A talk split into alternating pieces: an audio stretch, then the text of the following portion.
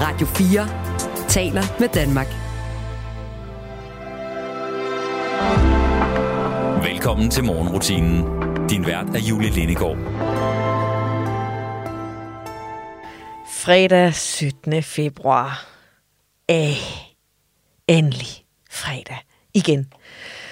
De kommer jo som perler på en snor, og øh, den her fredag er ingen undtagelse. Og øh, der er en ny uge, der venter lige rundt om hjørnet, men inden da, der skal vi have weekend.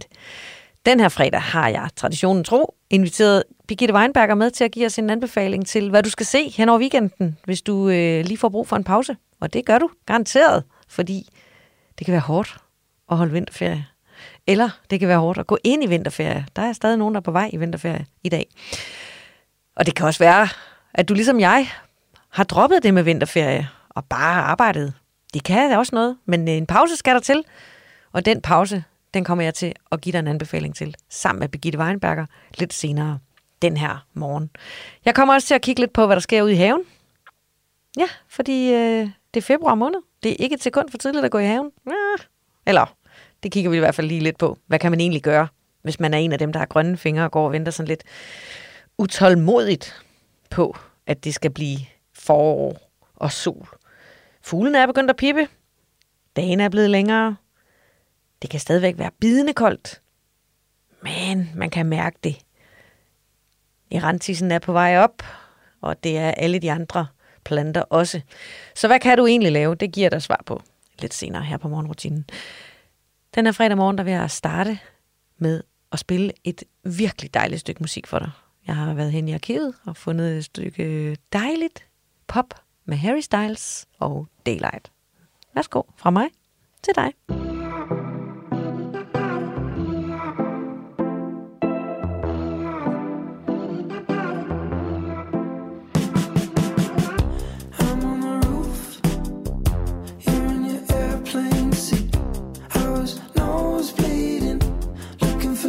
For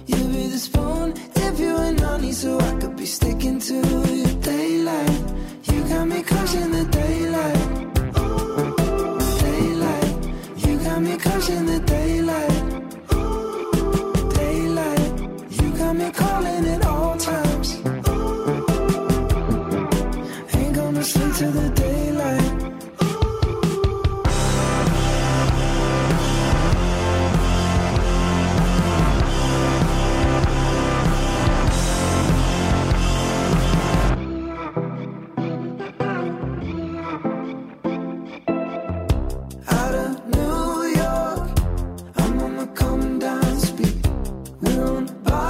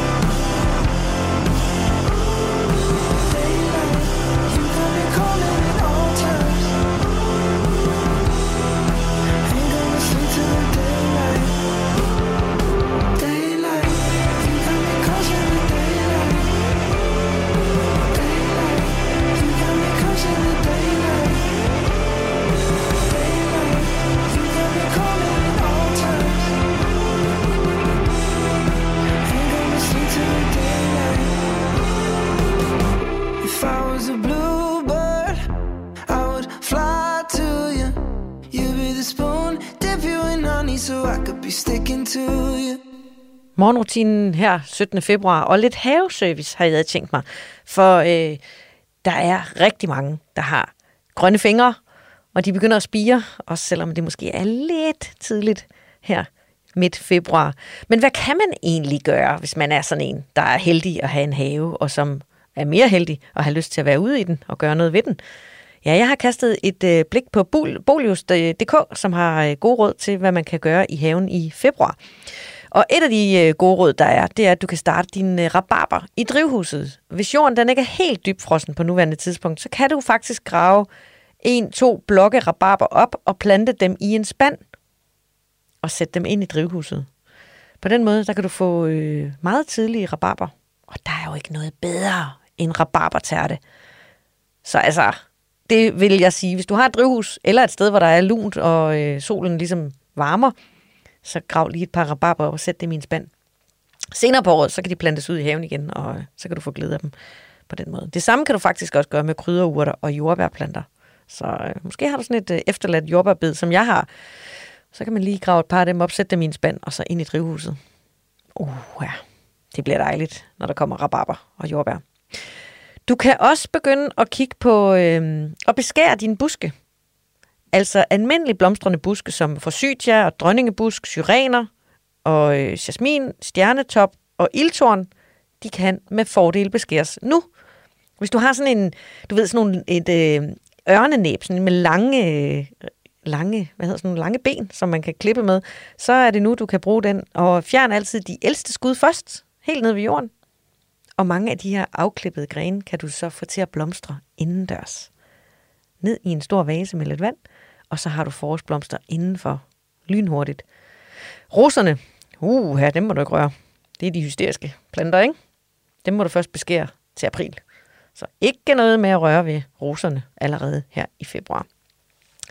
Når vi nu er øh, ved det her med, hvad der kan øh, spises, rabarber og jordbær, som var et af de gode råd, jeg gav dig lige før, så øh, er der et andet råd omkring kartofler.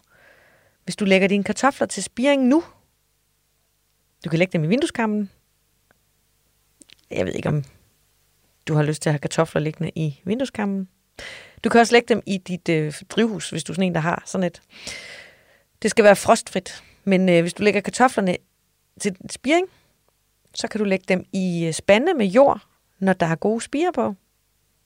Og på den måde, så kan du få kartofler længe før alle andre. På min vej, der bor der øh, flere haveentusiaster. Og øh, vi har en lille konkurrence kørende. Ja, jeg vil sige, jeg er vist ikke rigtig en del af den konkurrence, fordi jeg er ikke et havemenneske. Der under corona, der fik jeg lige købt sådan et par øh, sådan nogle spirekasser, eller hvad hedder sådan nogle plantekasser, som øh, jeg har plantet nogle jordbær i, en hindbærbusk, nogle blomster og lidt andet. Og så prøvede vi med et øh, kartoffelbed. Og jeg lagde plastik henover. Øh, det var lidt senere end februar, men jeg havde forspidet dem indendørs, og så havde jeg lagt dem i jorden, og så plastik henover, så de rigtig kunne gro. Og det år, der fik jeg lov til at være i konkurrence med resten af vejen, og deres kartofler. Og vi gik og lurede lidt ind i hinandens haver for at se, hvor langt deres kartofler var. Og øhm, der er altså et øh, ægtepar lidt længere hen ad vejen. De har nogle særlige tricks for øh, uanset hvad jeg gjorde det år, og hvor meget jeg varmede og holdt øje med mine planter, så var det altså dem, der havde nye kartofler først. Og det er det hvert år. Og jeg er ret sikker på, at det bliver det også i år. Men det er altså nu, du kan forspire dine kartofler, lægge dem ud i øh, drivhuset, og så putte dem i en spand med lidt plastik over. Så får du nye kartofler hurtigere end de fleste. Ikke hurtigere end mine naboer, men hurtigere end de fleste. Og det kan sådan set også være godt nok. Nu er det Charlie Puth og Light Switch her i morgenrutinen på Radio 4. Jeg hedder Julie Lindegård, og jeg er helt frem til klokken 6 på den her fredag.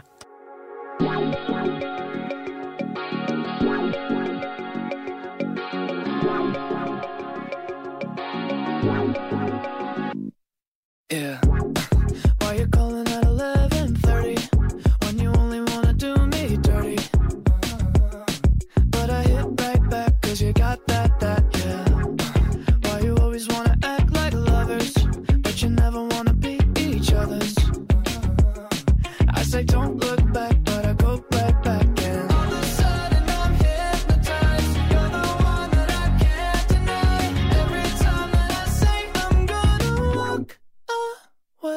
turn me on like a light switch when you're moving your body around and around. Now I don't wanna fight this. You know how to just make me want you. Turn me on like a light switch when you're moving your body around and around. You got me in a tight grip. You know how to just make me want you, baby. Do you love it when you keep me guessing? When you leave and then you leave me stressing.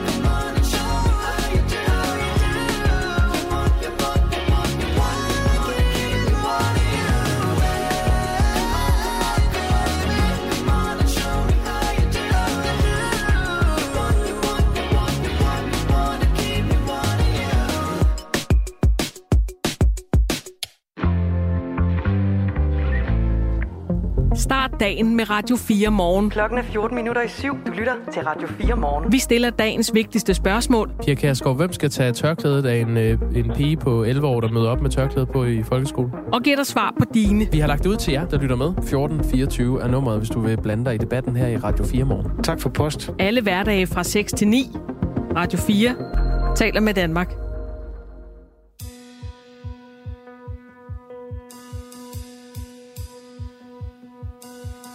Every time my hand reaches for yours, I feel the hesitation. I'm sure that you're not sure. Every time your lips are kissing mine, I taste the indecision. It's messing with my mind. I know there's a part of you that's terrified to love again. But I promise to the end, I'll never run, leave you behind. I'll never hurt you like he hurt you. I'll never make you cry. I'll treat you right. I stand by.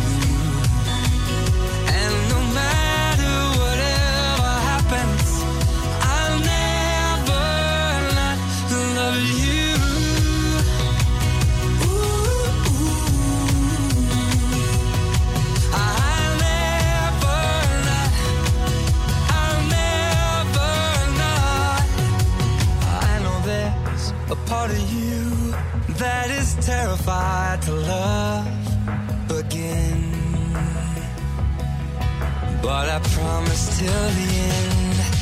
Yeah, I promise till the end. I'll never run, leave you behind. I'll never hurt you like he hurt you. I'll never say goodbye.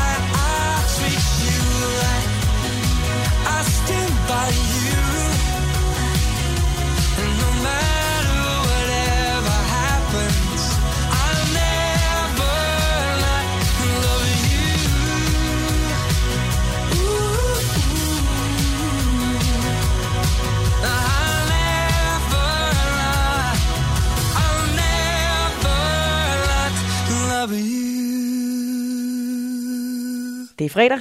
Det er vinterferie for en øh, stor del af Danmarks befolkning, og så er der også øh, nogen, der går på vinterferie i dag. Men uanset hvad, så er det øh, fredags flimmer-tid. Et fast øh, indslag her hver fredag i februar. Og med mig til at give en anbefaling til, hvad du skal bruge din øh, weekend til, hvis du skal holde en lille pause henne i, øh, henne i sofaen. Der har jeg Birgitte Weinberger, som ja. er leder af Filmfestivalen i Odense. Velkommen til morgenrutinen. Mange tak skal du have. Og du har jo valgt en, øh, en film, som øh, vi skal kigge på her hen over weekenden, som har gået biografen for nylig. Ja, det synes jeg. Og det kan godt ske, at jeg kommer fra kortfilmsverdenen, men jeg har valgt en film, der virkelig er lang til jer i dag. Ja, men altså øh, to timer og 27 minutter. Mm, Helt præcis 2 timer og 27 minutter. Og det er ikke et minut for langt. Ah, måske er det lige et enkelt minut for langt, men mine damer og herrer, I skal simpelthen se Force... Nej, det skal I ikke. Hold kæft. Det bliver nødt til at klippe ud. Nu skulle til at sige Force Majeure. Det er en anden af hans film. okay, jeg starter lige. Ja, det klipper vi ud, så siger vi bare. Det kan godt ske, at jeg beskæftiger mig med kortfilm til hverdag, men jeg har simpelthen valgt en virkelig, virkelig lang film. Og så lang er den heller ikke. To timer og 27 minutter, og ikke et sekund for langt. Den film, som jeg virkelig synes, man skal afbryde sin afslappning i sofaen med, det er øh, filmen Tri- Triangle of Sadness, hvis jeg ellers skulle se det. Ja. Ja, det er ikke den mest mundrette titel, men uh, Triangle of Sadness, Ja. som jo er sådan en øh, film, der handler om et øh, modelpar, sådan et ungt modelpar, der skal med ud og sejle. Eller hvad handler den egentlig om? Altså, Ja. den er jo... Øh, Ja, for jeg skulle lige til at sige, det er måske at forsimple det en smule at sige, at det handler om et ung modelpar. Altså Triangle of Sadness er, øh, altså først og fremmest, så er øh, trianglen af tristhed, det er, eller trekanten af tristhed, det er den øh, trekant, der sidder imellem vores øjenbryn. Det er simpelthen øh, noget, man bruger i modelverdenen. Så der er selvfølgelig der, vi starter. Øh, men øh, modelverdenen er et afsæt, men slet ikke det, den handler om. Hvad den handler om, Oh my goodness, det er ikke lidt. Øhm, det er Ruben Østlund, øh, der står bag den, sven- det er den svenske filminstruktør, som jo har en lang række af virkelig tankevækkende film øh, bag sig, som vi måske kan komme ind på lidt senere. Men øh, Ruben her, han sætter i hvert fald øh, fokus på Ja, hvad skal vi sige? Helt kort fortalt, så handler det vel om magt og øh, de relationer, der øh, er forbundet med det. Øh, sådan helt overordnet set. Og det kan godt lyde tørt, men det er det ikke. Nej, fordi det er faktisk det her modelpar, der tager med ud og sejle. Ja. Med nogle meget, meget, meget, meget, meget, meget rige mennesker. Ja. Og bliver meget, meget søsyge. Alle sammen ombord. Mm. Så det der, jo egentlig, det, der jo egentlig sker i filmen, det er, at alle relationerne bliver vendt på hovedet. Mm. Alle de rige, der har alle mulige hjælpere, mm. de bliver pludselig meget, meget syge og får brug for hjælperne. Og så ender de på en øde ø, hvor ingen kan finde ud af at overleve på nær den filippinske rengøringsdame. Hun kan finde ud af at fange fisk, og dermed så stiger hun i hierarkiet, mm. og alt bliver vendt på hovedet. Men når du nu har valgt den her film, så øh, er det jo også fordi, den har rørt dig på en måde. Hvad er det, den har øh, gjort? Jamen, jeg synes, det er, øh, det, er en, det er en filmisk magtdemonstration, som fastholder sin beskuer i et ikke altid lige ret øh, miljø, må man sige. Det er jo et, øh, det er jo et ret sådan præcis spejl, der bliver holdt op øh, øh, for os. Altså, det, øh, det handler om, øh, hvordan vi forbruger, hvad der betyder noget for os, hvad der er vigtigt øh, her i livet, øh, og i forskellige kontekster. Det er jo forskellige ting, øh, som ligesom er det afgørende. Men jeg synes, at Ruben med den her film øh, virkelig formår at holde et... Øh, et, øh, et spejl op, som sætter tanker i gang og, og skaber et, en stemning, som man ikke lige umiddelbart kan ryste af sig. Og det er ikke kun behageligt, men øh, det er jo også nogle gange det, som er lidt fedt, at kunsten kan gå ind og, og skubbe lidt til os, og måske også ændre, øh, ikke nødvendigvis adfærd, men i hvert fald skabe nogle for, øh, flere perspektiver på os selv som mennesker og den verden, vi er en del af. Og det synes jeg faktisk virkelig, at den her familie, øh, film formår at balancere på den der hårfine øh, linje imellem underholdning, men også indsigt og, og øh, altså, det er en sjov film også, men den er virkelig også barsk på den måde, at den sætter et kæmpe stort spørgsmålstegn ved, hvad fanden har vi egentlig gang i? Og vi skal tale lidt mere om, hvem der spiller rollerne i den her film, fordi det er et internationalt stjernekast ja. med et drøs af danske stjerner, så det vender vi lige tilbage til. Det gør Først vi. så skal du lige høre det mere.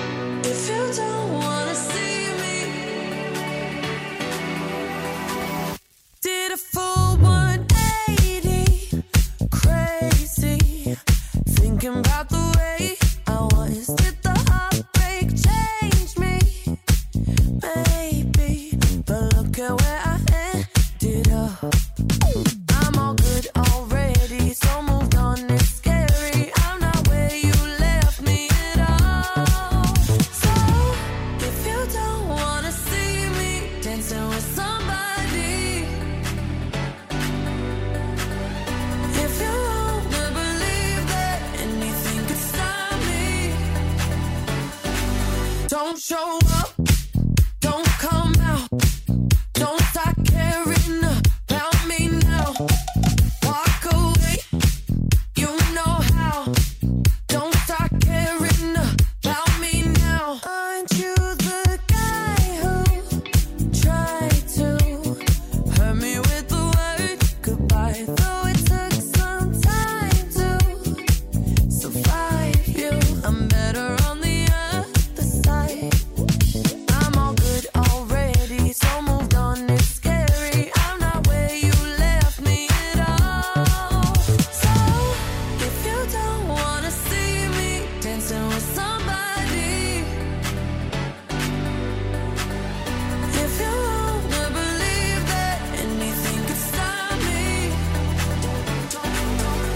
show up,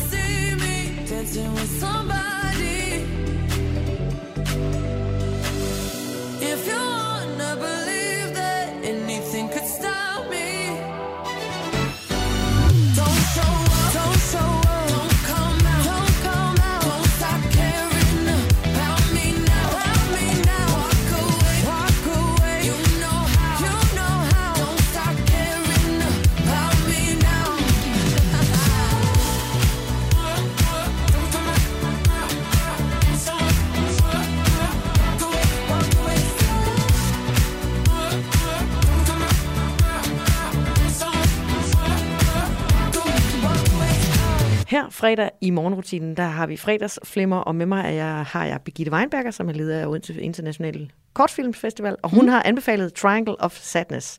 Og Birgitte, det er jo et øh, sjovt cast, når man kigger på, hvem der spiller med i Triangle of Sadness, fordi det er sådan en mix mellem store internationale stjerner, og så sådan nogle danske revystjerner. Blandt andet, ja. Blandt andet. Ja, ja, ja. Hvad er det for et øh, cast, du vil øh, fremhæve her? Nå, men altså på den danske konto, der har vi, øh, der har vi Vicky Berlin, øh, som øh, har en meget fremtrædende øh, rolle, og Vicky er vi jo ikke øh, sådan specielt øh, vant til at se i, øh, i, i film. Hun brillerer øh, her i Odense, hvor jeg kommer fra, i det i Odense Sommerrevy og mange andre steder. Men hun gør det sindssygt godt på det store lærred i den her film. Det gør hun virkelig. Og øh, der er jo et andet dansk islet. Øh, øh, vi har jo simpelthen øh, Slatko Borik øh, med ombord på den her, det her krydstogt, og han er eminent som øh, nyrig øh, Russer. Øh, russer, ja. det er præcis at være meget øh, internationalt. Øh, han er ikke fra Rusland, men han er fra et eller andet baltisk sted, og er så dansker og spiller russer.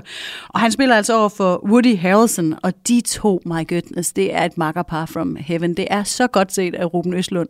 De spiller hinanden helt op i verdensklasse i den her film. Og, øh, så det må siges at være øh, det er et rigtig stærkt cast. Øh, og hvis man så skal blive ved det danske islet, hvis det sådan er, er vigtigt, det er det jo for os danskere, så har den også en dansk grafiker, der har lavet den plakat, som jeg tror rigtig mange har bidt mærke i. En kvinde, der øh, i sådan en øh, kast-op-situation øh, har virkelig meget konfetti ud af munden. Det er en rigtig god plakat, hvis vi skal, skal helt til bunds i det danske islet. Og det skal vi jo, for vi elsker at se danskere. Men da jeg ja. så den her film, der var det sådan et... Øh, min hjerne havde lidt svært ved at, at, at koble det her meget internationale storfilmsformat. Ja. Og så kommer Vicky Berlin ja, øh, med sin lidt danske accent, ja. men øh, som jo har en øh, rolle som sådan øh, første, første øh, assistent, eller hun er sådan chef på det her skib. Hun mm-hmm. er ikke kaptajn, men hun sørger for alle personalet. og alle for staffen, ikke? Jo. Altså, ja. Og, og hun har en, øh, en sådan en lidt øh, underspillet, øh, humoristisk, øh, men stadigvæk øh, en vigtig rolle i den her øh, film. Og, øh, og Slatko, ham som kender vi jo blandt andet, han blev kæmpestor i, i Danmark i øh, filmen Pusher, mm. og har været med i rigtig mange andre danske film siden. Helt vildt. Men, men da du så øh, filmen her, hvordan oplevede du den her blanding af store internationale stjerner og så danske skuespillere? Jamen, øh, som et kompliment til filmen vil jeg sige, at, at, at det, jeg tænkte faktisk ikke særlig meget over det, øh, øh, fordi det var så naturligt og rigtigt. Og ja, Vicky Berlin, hun spiller sin rolle med en... Øh, med, en- med en accent i sit sprog. Og det er jo en pointe, altså at øh, sådan et crew på en øh, stort krydstogsskib, de kommer fra hele verden. Så på den måde øh, passede hun perfekt, og hendes sådan lidt øh, kajtede, underspillede façon øh, giver rigtig god mening i forhold til øh, alle de mange nationaliteter, hun er om, øh, omgivet af. Jeg tror faktisk, det er et meget, meget... Altså nu har jeg ikke selv været på et krydstogsskib, og efter at have set Triangle of Sadness, tror jeg heller aldrig, jeg kommer det. men, øh, men jeg tror faktisk, det er et ret realistisk billede af, hvordan at øh, sådan et, et staff er sammensat på en, en stor øh, krydstogsskib. Og når man har set plakaten, og det har man som regel, inden man ser filmen, fordi Ja. den her plakat har været øh, eksponeret i bybilledet og på rigtig Ja. mange øh, forskellige streamingtjenester mm. og, og i biografen, ikke? der ser man det her konfetti komme ud af munden på øh, en af hovedrolleindhaverne, eller Ja. en af de her meget rige kvinder, der er ombord på den her. Øh. Ja. Og kan du lige sige, hvor den, øh, hvor den scene er taget fra? ja, jeg vil helst ikke, fordi ja. det, er, det er en ret lang sekvens i filmen, som jeg kun så delvis, fordi jeg har en lille smule problemer med øh, bræk. Det er der ret meget af i den her film. Så øhm, det er en lige linje til en, øh, en, en, øh, et meget søsygt øhm, øh, øh, persongalleri på det her øh, skib, som øh, forsøger at holde øh, facaderne øh, oppe, og det er meget, meget svært, når der er høj søgang. Øh, og det er... Det er også derfor, at den her øh, plakat er ret genial. Ikke? Altså, det er urmennesket, der ikke kan kontrollere noget som helst, og så kommer der guldkonfetti ud. Det er virkelig øh, hele den øh, spænding, der er i filmen, der er illustreret i den her plakat. Øh, men det, øh, ja, det er en ret forfærdelig sekvens. Til gengæld er den lang. og den siger nemlig alt, fordi der er ingen, der er for rige til at blive søsyge. Jamen, præcis. Uanset hvor rig du er, så er søsyge bare... Øh, det rammer, hvis det rammer. Altså magt øh, og de relationer, der er forbundet, øh, er omdrejningspunktet, og lige nedenunder en øh, understregning af, at deep down er vi alle sammen totalt lige og ens, og øh, alle har en bare røv i buksen, som vi plejer at sige. Det gør filmen virkelig, virkelig godt, og Ruben Østlund har med den her film virkelig sat et virkelig stort øh, og en stor fed streg under sit øh, virke som filmkunstner. Det, det er virkelig imponerende. Og han fik jo også masser af anerkendelse for den her film, mm. også i Cannes, hvor han øh, vandt sin øh, anden guldpalme, Ja. Ja. faktisk. Og han har jo også stået bag andre film, som øh, jeg tænker, I har haft et godt øje til, selvom I er en kortfilmsfestival. Jamen ikke selvom vi er en kortfilmsfestival, øh, fordi han har nemlig også lavet mange kortfilm. Vi har også haft kortfilm med på øh, festivalen af ham. Øh, blandt andet øh, kan, kan jeg nævne en af hans tidligere, der hedder Incident of a Bank, som er fra... Øh, Ja, den er fra 2009, så vidt jeg husker.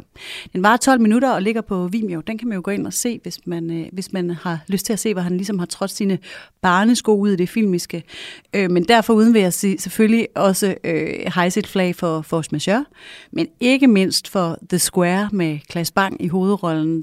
Det er igen en, øh, en samfundsspidende øh, portrættering af, af en eller anden overklasse verden, som vi alle sammen øh, godt kan lide at, at identificere os med, men som lige nedenunder overfladen er pillerøden og, øh, og virkelig, virkelig øh, interessant at dykke ned i, øh, og så kontrastfyldt, som, øh, som, som nu kun livet kan være, men det forstår Ruben Østlund altså virkelig at sætte til skue for os alle sammen i hans film.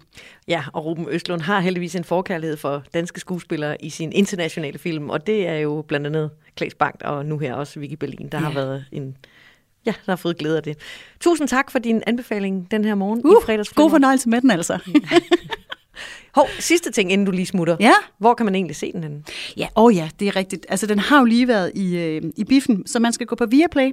Man kan købe den for penge. 139 af de danske kroner koster den. Så man kan lige samle naboerne eller overboen og til en rigtig hyggeaften her, så, øh, så skulle det nok kunne lade sig gøre, tænker jeg. Det er alle pengene værd. Det er det. Ja. Tak for din anbefaling. Selv tak.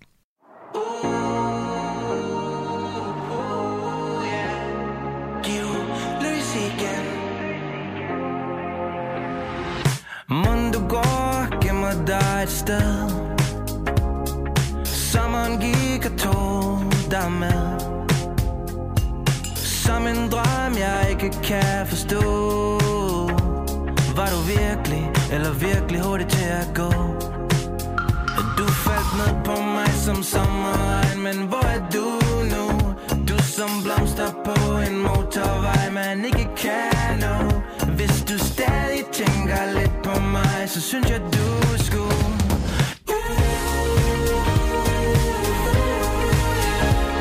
Giv lys igen.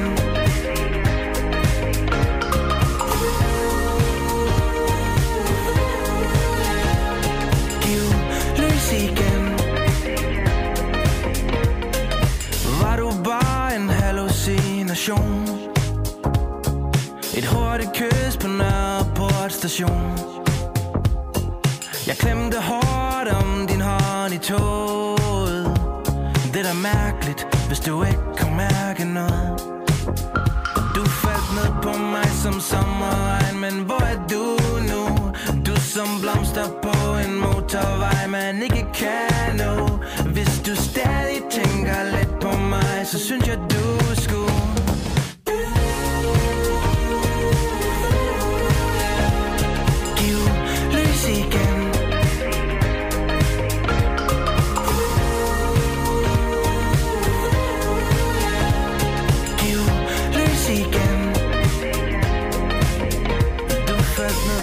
mig som sommerregn Men hvor er du nu?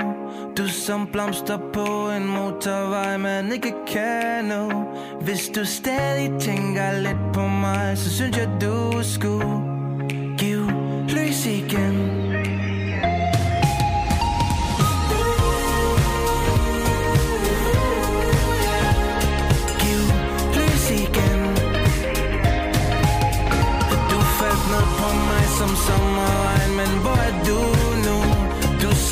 som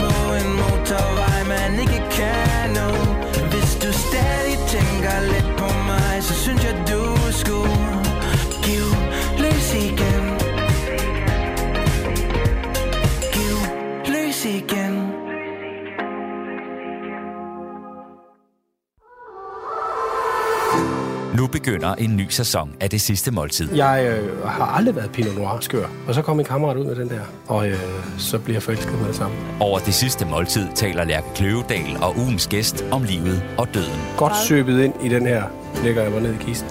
Lyt til det sidste måltid i Radio 4's app, eller der, hvor du lytter til podcast. Jakob Lohmann, hvad skal der stå på din gravsten? Jeg tror, der skulle stå tak for den gang. Det er vel også et skuespiller-exit. Ja. Radio 4 taler med Danmark.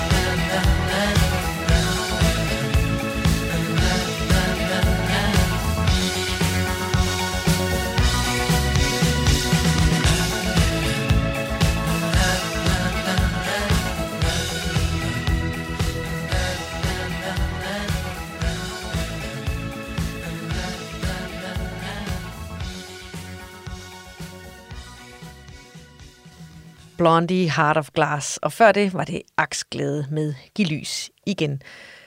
Tandbørstning. Ja, vi kommer vidt omkring her på morgenrutinen, og nu skal det handle om tandbørster. Fordi altså, i Danmark har vi jo faktisk ikke børstet tænder i så mange år. En uh, helt almindelig arbejderfamilie var det jo først i sådan noget 1930'erne, at man havde én tandbørste, man var deles om, og øh, når man blev konfirmeret, så ønskede man sig et gebis, fordi ens tænder var rådnet og øh, blevet revet ud. Man har haft tandpine. Men allerede 4.000 år før vores tidsregning, der øh, begyndte vi faktisk at have problemer med vores tandkød, fordi øh, vi begyndte at dyrke korn, og det gav karies, fordi der er sukker i korn, Øh, og det invaderede vores tænder og vores tandkød, og det har man jo, altså i Danmark, der var vi længere om at lære det. Der brød i starten, der brugte vi bare en øh, finger, og altså, så lærte vi så senere at bruge tandbørsten. Men først sådan rigtigt i nyere tid, ikke? Men der findes faktisk andre steder i verden, hvor man har renset tænder med grene og kviste i årtusinder. Der kan man bare sige, der har vi har været en lille smule bagud heroppe i øh, Norden og her i Danmark. Der findes en øh, træsort, der hedder misvak, som øh, har været brugt af mennesker i tusindvis af år, og som i dag stadig i Mellemøsten, Afrika, Asien kan købes for småpenge på lokale markeder. Og det er jo sådan set meget godt, fordi i de fattigste dele af verden, der kast, koster en øh, plastiktandbørste det, der svarer til en halv månedsløn. Og altså, der findes en organisation, der arbejder for det her. Den hedder Tandsundhed Uden Grænser. De arbejder for, at øh, der kommer tandbørster ud i hele verden. Men øh, de prøver faktisk også at gøre opmærksom på den her misvakken, fordi det er et meget billigt alternativ til en plastiktandbørste. Og øh, med lidt øh, fluortandpasta, så er det faktisk et lige så godt alternativ. Så der er altså nogen, der arbejder for, at vi får bedre tænder rundt omkring i verden. Fordi det er stadig et problem, at vi har rådne tænder. Herhjemme, der øh, kan man sige, at øh, vi bruger jo ta- øh, plastiktandbørster. De fleste af os, ikke? Altså, det gør vi, ikke? Jo, det gør vi. Og det er jo ikke specielt godt for naturen, miljøet, fordi vi bruger jo masser af plastik til de her øh, tandbørster. Der er ikke sådan nogen entydige tal på, hvor meget plastikforurening tandbørsterne egentlig medvirker til, men der har været nogle forsigtige udregninger, der viser, at øh, hvis du skifter tandbørste en 3-4 gange om året, så betyder det alene i USA bliver der smidt 1 milliard tandbørster ud om året. I et land som Indien, der svarer det til 150 millioner tandbørster hver eneste måned. Så altså, øh, de der tandbørster, de skal genbruges, og vi skal passe godt på dem.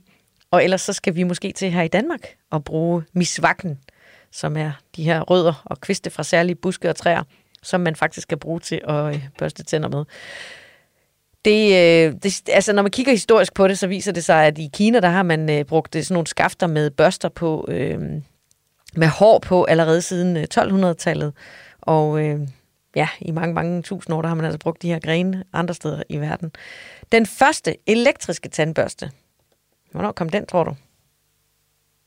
Ja, den kom hjem til mig for nogle år siden, efter et besøg hos tandlægen, som påpegede, at en eltandbørste ville kunne løse alle problemer, eller i hvert fald alle tandproblemer, og det fik hun faktisk ret i, for øh, jeg har ikke haft et eneste hul, siden jeg skiftede til en el tandbørste, og mine børn blev også tvunget til at bruge dem. Så, øh, men den blev faktisk øh, indført, altså jeg ved godt, at den har været indført i Danmark i mange år, men den blev faktisk øh, markedsført allerede i øh, lige efter 2. verdenskrig, den elektriske tandbørste, og har jo virkelig fået ben at gå på her de senere år.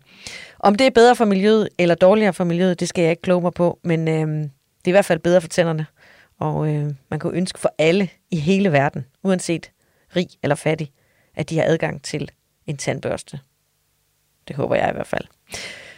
Morgenrutinen har fundet en blade frem til dig. Maja og de sarte sjæle. Her er de, uden dig. Der er nye beskeder på min telefon. Den ringer, men jeg gider ikke tale med nogen. Jeg vil bare sidde derhjemme og tænke på dig.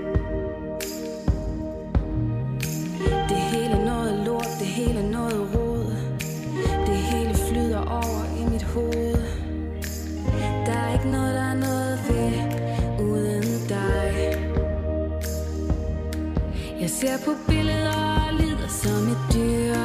Det er så også lige mig, hvad jeg så end gør.